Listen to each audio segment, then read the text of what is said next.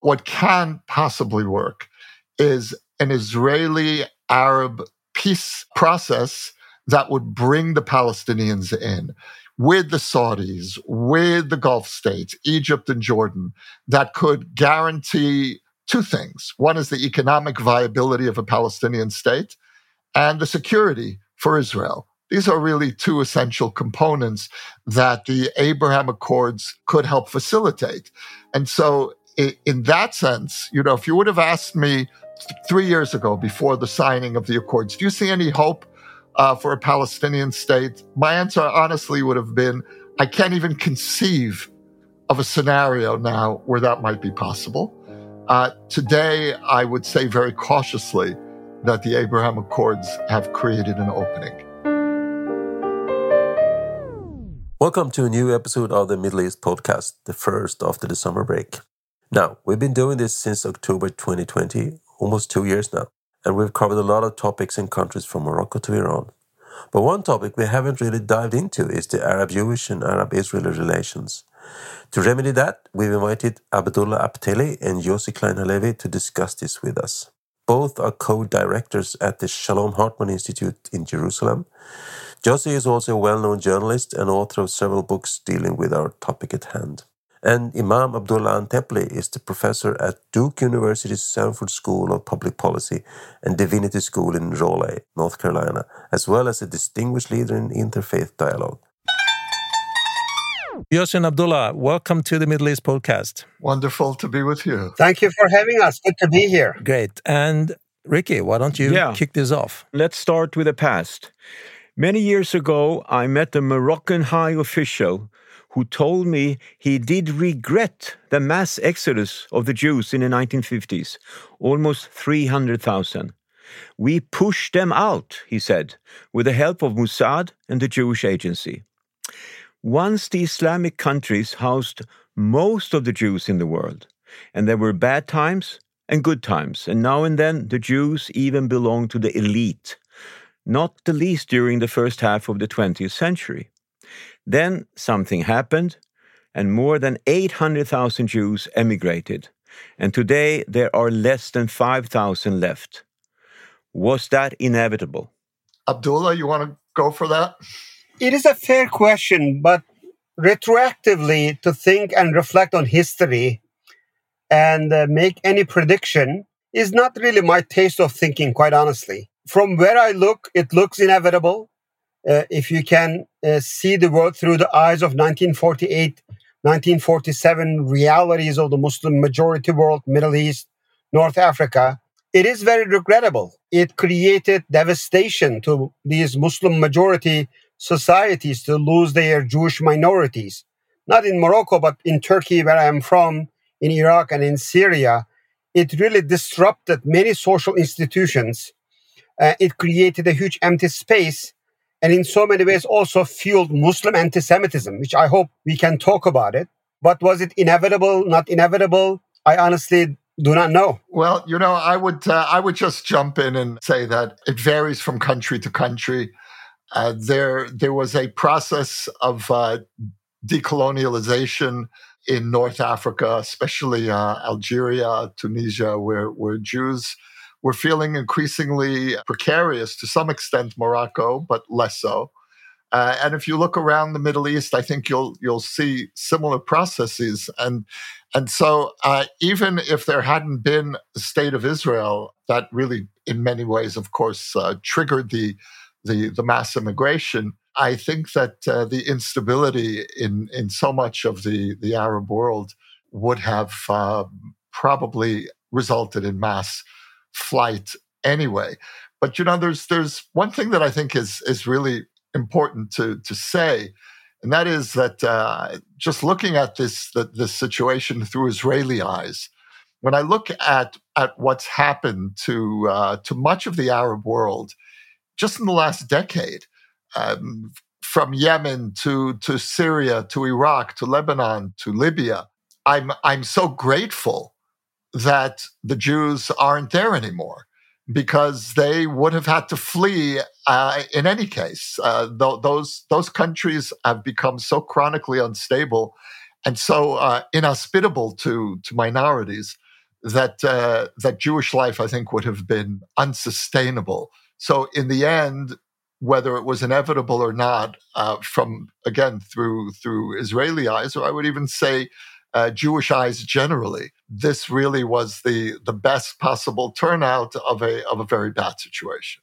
Okay, so this is an interesting point, though, because if you do assume that at least some of the reasons for the establishment of of Israel is, is one of the you know one of the main reasons behind immigration, that then raises another interesting question: the fact that the most Israel or Jewish hating regime governs the largest Jewish community in the Middle East outside Israel, Iran. Around ten thousand Jews live in Iran, and they can all leave if they want to, but have decided to stay.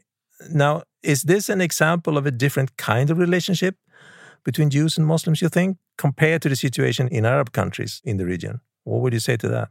Almost all the Jews in Iran have left. The overwhelming majority, the 10,000 who stayed, look, there were there were how many thousands of Jews uh, stayed through through Nazi Germany, and I'm not comparing the two countries in terms of Jewish vulnerability, though it could get very bad for Jews in Iran. Right. Uh, if there's a war between Israel and Iran, which is more likely than not, the Jews are going to be hostage there. Mm-hmm. So there are, there's always a reason uh, for uh, for people who are vulnerable to rationalize why they should stay. They have property, they have family uh, connections. the Jews from Iran that I know who live either in Israel or the U.S think that those Jews who have remained, let's just say, uh, have seriously misread their long-term prospects. Right. So no, I don't think this this has any real significance. Uh, any more than than it had significance that Jews didn't leave Germany or Austria in the late 30s. Right. I totally agree. And the presence of 10,000 Jews in Iran, in no way, as your question uh, implied, reflects or points out a new or better or hope inspiring relationship at all. Uh, if you would like to see maybe some emerging new spirit uplifting dynamics uh, in terms of uh, Jewish communities, indigenous Jewish communities, uh, contributing to improvement of uh, Jewish Muslim relations or Israel's relationship with the region, you have to look into members of the Abraham Accord, more specifically to uh, Morocco, a lot of cultural, economic, social, and political bridges being built. And now some other countries like Saudi Arabia and even uh, Sudan is now lining up. Mm. I think if you are going to look for any new relationship in a positive perspective, uh, you should look somewhere beyond Iran. Iran doesn't look. It may provide some new insights, but not not for the better. Okay, right. That brings us to the next question. Uh, in a recent podcast, we had a guest from Jerusalem, the folklorist Galit Hassan Rokem. And she feels that the Abraham Accords, which, you know, you sort of mentioned, and uh, so far 200,000 Israeli tourists to the Emirates have somewhat changed the atmosphere in the country. There is a new attitude among many Jewish Israelis when it comes to the Arabs. So the question is can the Accords usher in a paradigm shift in the relations? Is that a possible development? You know, I, I wish that were true. I wish I could say I see a, a change in attitudes here. I, I don't see it, honestly. And I see, especially among younger Israelis, more radicalization, mm-hmm. um, more suspicion, fear, even hatred uh, anti-Arab feeling, um, and I'm I'm very worried about what's happening, and I'm very disappointed that the Abraham Accords haven't created more of a uh, of a transformation here. But I would I would add the crucial word yet. They mm-hmm. haven't created a transformation yet. Mm-hmm.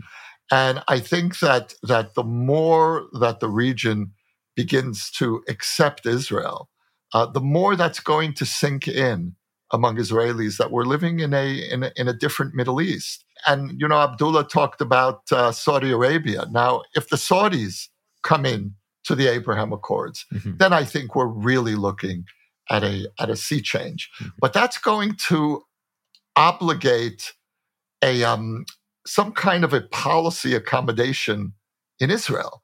I want to see Israelis own the peace process with the Arab world and recognize that that means, for example, uh, preserving the status quo on the Temple Mount, on Al Aqsa. I think mm-hmm. that that's crucial for our future relationship with uh, with the Arab world, and uh, and so I think I think we're in a a process.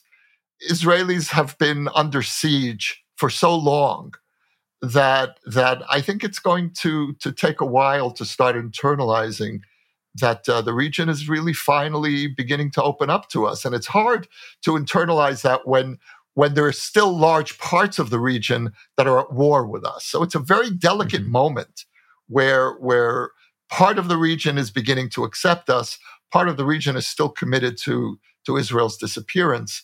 And uh, I understand Israelis who still relate to, to the region with, with suspicion, but I think that we need to start changing. I, I agree with my holy brother Yossi Klein Halevi. Not yet is a very honest answer. Um, I, if I may add a few things, what I worry, I think this um, welcomed normalization and the relationship between Israel and some of the Gulf countries and North African countries it may improve the overall image of the Arab world or Arab tradition, but not with the Palestinians. Mm-hmm. In order that uh, improvement to translate itself into Palestinian community or Palestinian relationship, things have to improve at home between Israelis and Palestinians. Otherwise, I worry that Palestinians will be further rationalized or exceptionalized as if they are they are a different kind of uh, Arab it is like being in good relationship with somebody's cousin while you are hating them.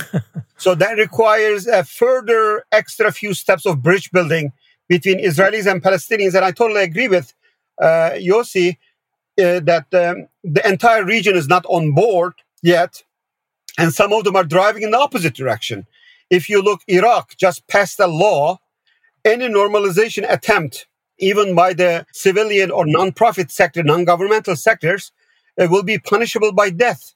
They just passed the legislation under the influence of regrettable influence of Iran, Iranian Islamic regime in that country. So it is too soon to be too hopeful and too excited and overestimate this impact. But I think we have enough evidence that the potential is there. I was very skeptical when Abraham Accord was uh, signed three years ago. And if you would have asked me that question, I would have sounded a lot more pessimistic, a lot less hopeful. But what I have seen in Morocco, in United Arab Emirates, and Bahrain is giving me enough evidence that there is a potential uh, if the right kind of policies are enacted both within Israel as well as in the region. I think um, it can fulfill its potential and promise. Okay. Right. So, Abdullah, you're not afraid that the accords actually are going to put, you know, push the focus away from the Palestinian conflict, push the focus away from the occupation? I am not afraid because if that happens, I don't think the accord will ever accomplish anything significant. Okay, fair enough. In the short run, you have you see no evidence, but in the medium and the long run, if this accord and what it entails between governments, between people, socially, economically, politically, if it doesn't contribute to any improvement to Israeli-Palestinian conflict, Palestinian suffering, uh, it will collapse. It will. It is. It is set to be I am I have no optimism without the improvement of the Palestinian lives or improvement between Palestinians and Israelis. This this this accord will be another footnote, like many things, Oslo and others, uh, because the reality will sabotage the entire establishment. Right. I agree with Abdullah, and I would I would say that uh, just to to inject a possibly hopeful note here. Uh, and that is that while uh, we don't see any immediate impact on the Palestinian issue, which is, uh, I think, in part uh, a missed opportunity for Palestinian leaders. It's certainly not the first time when uh, a peace accord is signed, going back to the Egyptian Israeli accord when Palestinians were invited to participate, and, and the answer was no, no, no. Uh, I think that that in the long term, there is a chance for a regional solution, which to my mind is the only way to move this forward. Mm. Uh, the Palestinian Israeli bilateral track will not produce a peace agreement. Uh, we've been there. We know every step of uh, of the the positions on both sides. We we know where the negotiations will go. Uh, it's a dead end. International pressure uh, on Israel uh, is not going to work because when Israelis feel pushed to the wall, when we put feel pushed into a corner, uh, and we believe that that our most basic security is at risk, uh, no amount of pressure works. But what can possibly work is an Israeli Arab peace process that would bring the Palestinians in with the Saudis, with the Gulf states, Egypt and Jordan, that could guarantee two things. One is the economic viability of a Palestinian state and the security for Israel. These are really two essential components that the Abraham Accords could help facilitate. And so, in that sense, you know, if you would have asked me three years ago before the signing of the Accords, do you see any hope uh, for a Palestinian state? My answer honestly would have been I can't even conceive of a scenario now where that might be possible. Uh, today, I would say very cautiously that the Abraham Accords have created an opening. Okay, so uh, listening to what you're saying now, how would you put in the uh, so-called Jerusalem flag march here? I mean, Haaretz, for instance, the Israeli paper said that this this showed a new level of anti-Muslim racist sentiments, really, and that this is a this is a big change. And some of the Middle East analysts, at least here in Europe, have said that Israel is becoming more of a racist society. You know, while, while the country's sort of liberal groups are, are, are shrinking. You know, referring to your your, your answers to the to the last question, what what is your take on that? I think that. Uh, we have to go back to the crucial year 2000 to understand what's happening in Israeli society today. And in the year 2000, uh, we had the um, failed Camp David negotiations when, for the first time, Israel put a genuine offer for a two state solution on the table, and the Palestinian leader Yasser Arafat walked away. And then six months later, we had the Clinton proposals, which uh, which also uh, laid out the the parameters for a two state solution. And once again, Israel said yes, and the Palestinian leadership uh, said no. And meanwhile, the the Palestinian national movement launched the Second Intifada, which was the worst wave of terrorism in Israel's history. For four years, we we experienced uh, a wave of suicide bombings that really permanently traumatized Israeli society. I'm permanently traumatized. Uh, I think that we are, as a society, we are PTSD, as are as as are the Palestinians. Mm. But uh, in the Israeli understanding of what went wrong, we put an offer on the table for peace, and the Palestinian leadership responded with terrorism. Now, there's a counter Palestinian narrative to that, mm-hmm. but the point that I'm trying to make here is not whether the Israeli narrative of why the peace process failed is right or not. I personally believe it is right. That is my narrative. But what's more important is that this is what Israelis believe. And so the Israeli left lost its credibility in the second intifada and it's never recovered. Mm-hmm. If you look at the Knesset today, the Israeli left is a um, is, is a minority faction. Right. And the Israeli left founded this country and and and was was was one of two major blocks. Today, the Israeli uh, political system is really divided between the right and the center. And the center shares the wariness of the right toward the Palestinian national movement. So most of Israeli society shifted rightward as a result of the Second Intifada.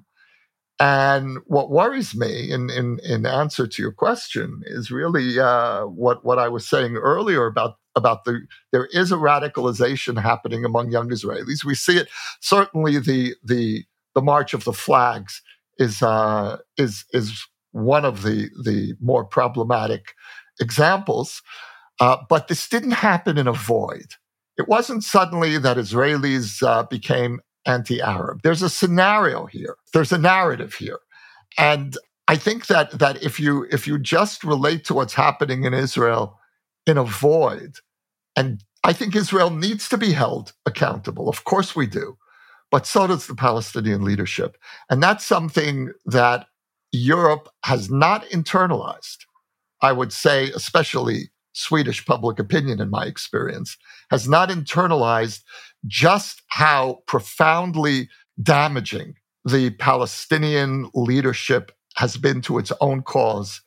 And um, and yes, Israel should be held accountable for expanding settlements, for whatever we do that that that deserves condemnation. But when Europe lets the Palestinian leadership off the hook, doesn't hold them responsible, accountable, uh, the response among Israelis is profound cynicism, and Europe loses its its credibility within the Israeli public. And so Europe's concerns, Europe's moral concerns, uh, really are not are not internalized by Israelis. I agree with Yossi that Israelis didn't wake up one day and all became racist and they decided to go wild. There is an explanation to any form of racism and bigotry. As Yossi said, he is not listing this very helpful context as an excuse. It's inexcusable. Israel has a racism problem our mutual friend from Atlanta, uh, Atlantic Magazine, Yair Rosenberg, wrote a beautiful article and very thoughtful article about this particular issue. I encourage all your audience to look at that article. Uh, Israel should be held accountable also internally, not by Europeans or Americans or outsiders. And Yossi represent that ethical moral voice, in addition to many others, that Israeli society, uh, if they haven't noticed before, through this uh, Yom Yerushalayim Day display of racism that the problem is getting out of control. This conflict has allowed certain tumors of racism and hate grow, uh, and it's getting out of control in certain segments.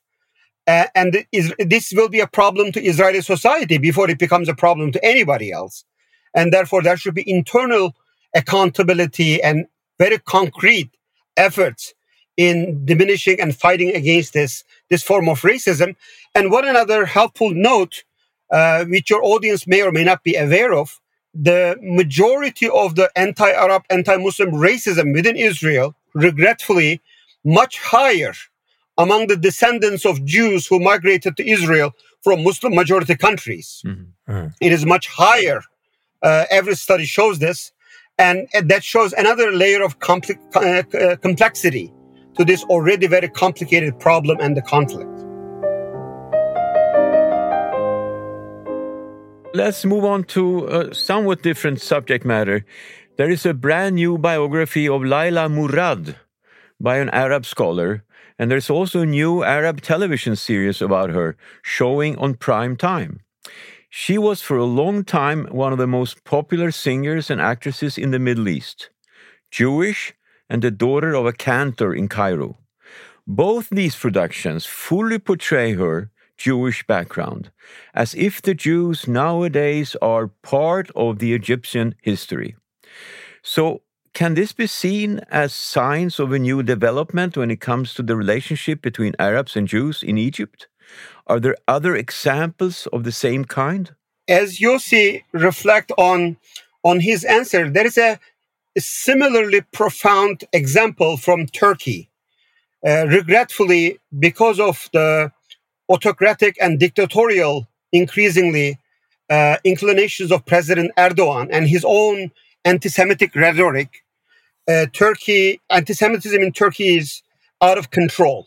Regretfully, Mein Kampf is one of the best sellers, and anti Semitic messaging became the mainstream in Turkish society within that really discouraging context, there is a new Netflix series called The Club. Yes, mm-hmm. yeah. we've seen it. Yeah. It is not focusing on any particular Jewish individual, but through a Jewish family and a Jewish woman's single mother struggle, telling the story of the 1940s, 1950s, 1960s discrimination, killing, confiscation of the land of the religious minorities, both Christian as well as Jewish, which is a breath of fresh air, really. It is showing the remaining decency, moral decency, and the civilizational health of the Turkish society. Um, and many people are very uncomfortable that portrayal of past dark chapters of Turkish society, how they treated their Jewish community. it created, unfortunately, it, it, it is only the conversations you only see in Turkish. So not everybody speaks Turkish, but I was able to follow very keenly and closely this, this movie's impact and the emerging decency coming out of this. People are really feeling regretful for how Jews were treated in the past and how in, in many ways Turkish nationalism, extreme Turkish nationalism wiped out these uniquely Turkish Jewish uh, communities in the past. I hope this Egyptian example is any better because uh, anti-Semitism and anti-Israeli sentiments in Egypt is is also incredibly out of control, despite the government-to-government relationship with Israel. Let me give you another uh, good example here: uh, the, the, the situation on the island of Jerba outside in, in Tunisia. That can be regarded as an example of how Jews and Muslims can live and work together, and that's been going on for for for many years, for hundreds of years actually so what can we possibly learn from that that story? I mean, how can we how can we sort of create more Jerbas in this region? You mentioned these two TV series, but is there is there another example here that that may work in other countries? You think? Well, Jerba is a very precious remnant of uh, Jewish life in the Arab world, but it's really an island, both literally and metaphorically. Mm. and uh, I hope that the remnant of the Jewish community in Jerba thrives and, and, and persists. I don't know really if there's a future. Um, the atmosphere in Tunisia is very, very hostile to Israel. And the Jews of Jerba are, of course, emotionally connected to Israel. And um, the, there's a large Tunisian Jewish community in Israel. And I don't know if it's really sustainable in another generation or two. Um, so uh, I think that it's really we're we're really grasping here uh, for for very small signs of hope. Uh, I think that Jewish life in the Arab world is really over. Um, there is a little bit of a resurgence happening in Morocco, mm-hmm. right? And uh, since the peace agreement, uh, we're seeing we're seeing uh, Jews from around the world, including Israel, coming to Morocco and and also um, remaining for extended periods. So uh, I I don't know if a Jewish community will really be be reborn there, but it's a tantalizing uh, possibility. Mm-hmm. Again, I agree with Yossi. The Jerba is very too unique, too small, too exceptional. It's almost like a lab environment that it cannot really survive in a real life, in a larger scale life. I don't think any physical presence is in the short run, even in the long run, is possible. Uh, but what I see, which I have greater hope and excitement about, is not many people are paying attention in social media. There's a lot of anti Semitism, there's a lot of uh, terrible things that are happening, but also if you look, for example, what's happening between Iraqi Jews in Israel and so many Iraqis, uh, often mm-hmm. under anonymous accounts on social media, connecting in a virtual and cyber space and creating a nostalgia of the past, but also imagining of the future in a virtual setting, in a digital setting, which I, gives me tremendous amount of maybe if something happens as a result, those buildings or new physical space and communities will not emerge. But given how the future of humanity and global community is digital and cyber, I have tremendous amount of hope and prayers that these people connecting directly, independently from their toxic government politics and etc. and conflict, and connecting to their Iraqi identity, Iraqi culture, Iraqi art, Iraqi music. I see the similar stuff happening with Syrian Jews and uh, Syrians Eh, especially in diaspora if they are out of Syria. I have seen similar in Algerian communities as well. I really hope we can explore this more instead of focusing too much on a very particular small example. There is a way in which we can bypass the political toxicity and create online virtual spaces where communities can reflect on their history accurately and honestly more and build something better.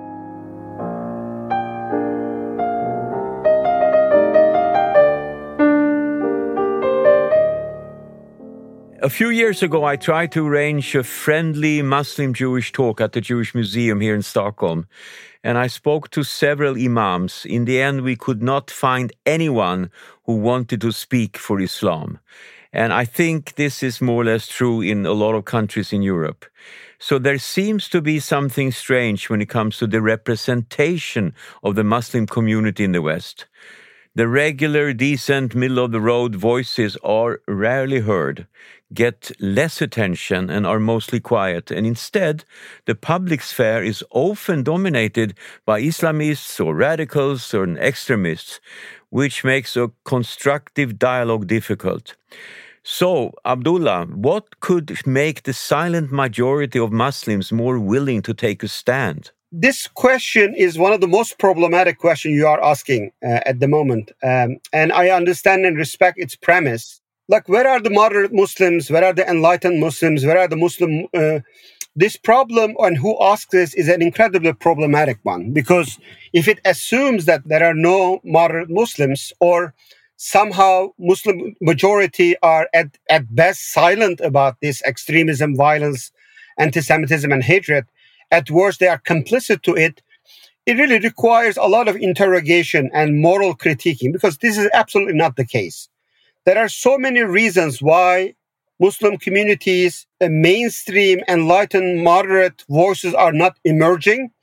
And even the existing uh, voices like mine and many others, it is not making the mainstream because of many structural and contextual problem in the West, especially in Europe um, because the, the the system and the society is not designed to elevate the and again i'm not blaming the um, society. It is much mostly circumstantial. Muslim community should do an incredibly better job in promoting the best of islam the majority muslim qualities to the mainstream but the context should be hospitable not hostile, not confrontational, to receive and elevate and uplift these voices uh, as much as possible. In both areas, we have a lot of work to do, but uh, I know we have only a few minutes that I can give many different examples how how irresponsible coverage of media, sensationalism, and some of the populism and far right politicians are picking up these marginal, non-representative voice and giving them incredible coverage. Mm-hmm. And therefore society only hears them. And there are people who have been telling and screaming on top of their lungs and talking about moderate Islam and peace until their faces turn blue. They get no coverage whatsoever. So there are few people and few issues in the words of Joshua, Rabbi Abraham Joshua Heschel who are guilty. But as a society, we are responsible it is not that if Muslims somehow have the microphone, have the opportunity, have the mainstream capital and not utilizing it. That's categorically not true. Final question. We've been talking about Arab Jewish relations. What do you think about the future here? I mean, how does the present conflicts in the Middle East region, both domestic and interstate ones, affect these relations in general and the Israeli Palestinian relations in particular, you think? Uh, you know, give us a give us something to hope for. Well, I go back to the Abraham Accords, which uh, ironically uh, were were in large part triggered by uh, the rise of uh, an imperial Iran and the, the, the fear of a nuclear Iran that, that brought together Israel, the Gulf states, and the Saudis. Uh, in the Middle East, uh, bad news and good news uh, very often are entwined. Mm-hmm. And uh, Iran is is continuing to rise. The the the time bomb, metaphorically and literally, is ticking and my strong sense is that the region is heading toward a, a showdown between the anti Iran coalition and uh, the Iranian coalition, which, which includes Syria, Hezbollah, Hamas. And um, the question really is what kind of Middle East is going to emerge after this, this showdown? I, I don't see any way to realistically avert the showdown. Iran is is on the nuclear threshold, and uh, one can argue about how that happened, who's responsible. But the reality is that Iran is about to go nuclear, and the anti-Iran coalition, uh, Israel, the moderate Arab states, are not going to allow it to happen. So my hope is that uh, the Iranian threat, which we haven't spoken about, really will uh, uh, will be stopped. And out of that uh, dynamic we'll be able to start thinking about a more uh, rational Middle East, a, uh, a Middle East uh, that uh, that we we we can really see a, a joint uh, Arab-Israeli future in. So that's uh, that's about as as much optimism as I'm capable of of offering at this point. Light at the end of the tunnel, but it's going to be a very long and dark tunnel. Gentlemen. Thank you. Thank you for the opportunity. Yossi, Shabbat Shalom. Shabbat Shalom. Shabbat Shalom. Shabbat shalom to you all. Thank, thank you you very, very much.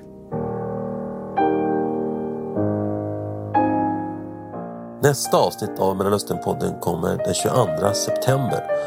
Och då ska vi återigen diskutera Turkiet i ljuset av de förändringar som skett i regionen sedan kriget i Ukraina bröt ut i februari i år. Välkomna då!